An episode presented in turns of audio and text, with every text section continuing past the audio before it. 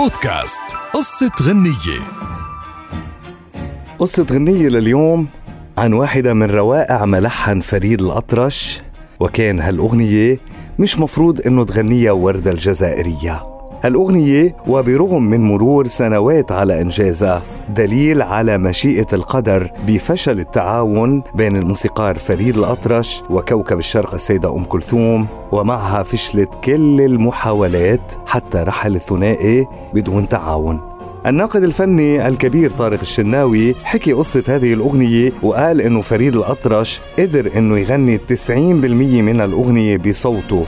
واضع اللحن عليها وطرح على أم كلثوم التعاون بها الأغنية وقال إنه كوكب الشرق أبدت موافقة مبدئية ولكن مرض فريد الأطرش اللي اضطروا للذهاب إلى لندن لتلقي العلاج أدى إلى تركه كنز بصوته ولمساته اللحنية واللي كان بينتظر إنه يبصر النور بفارغ الصبر.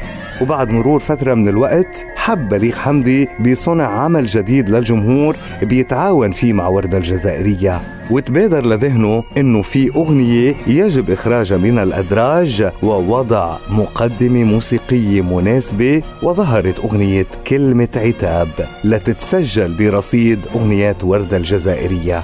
الأغنية وحدة من الأغنيات اللي تحولت من كوكب الشرق لوردة الجزائرية مثلها مثل أغنية أوقات بتحلو للملحن الكبير الراحل سيد مكاوي. القدر ما عطى فرصة لفريد الأطرش للتعافي فرحل عن دنيانا وثم تبعته أم كلثوم بعد ثلاثة أشهر بس. لتطوى صفحة أي تعاون محتمل يسجل بالتاريخ بين موسيقى فريد الأطرش والصوت العبقري لكوكب الشرق.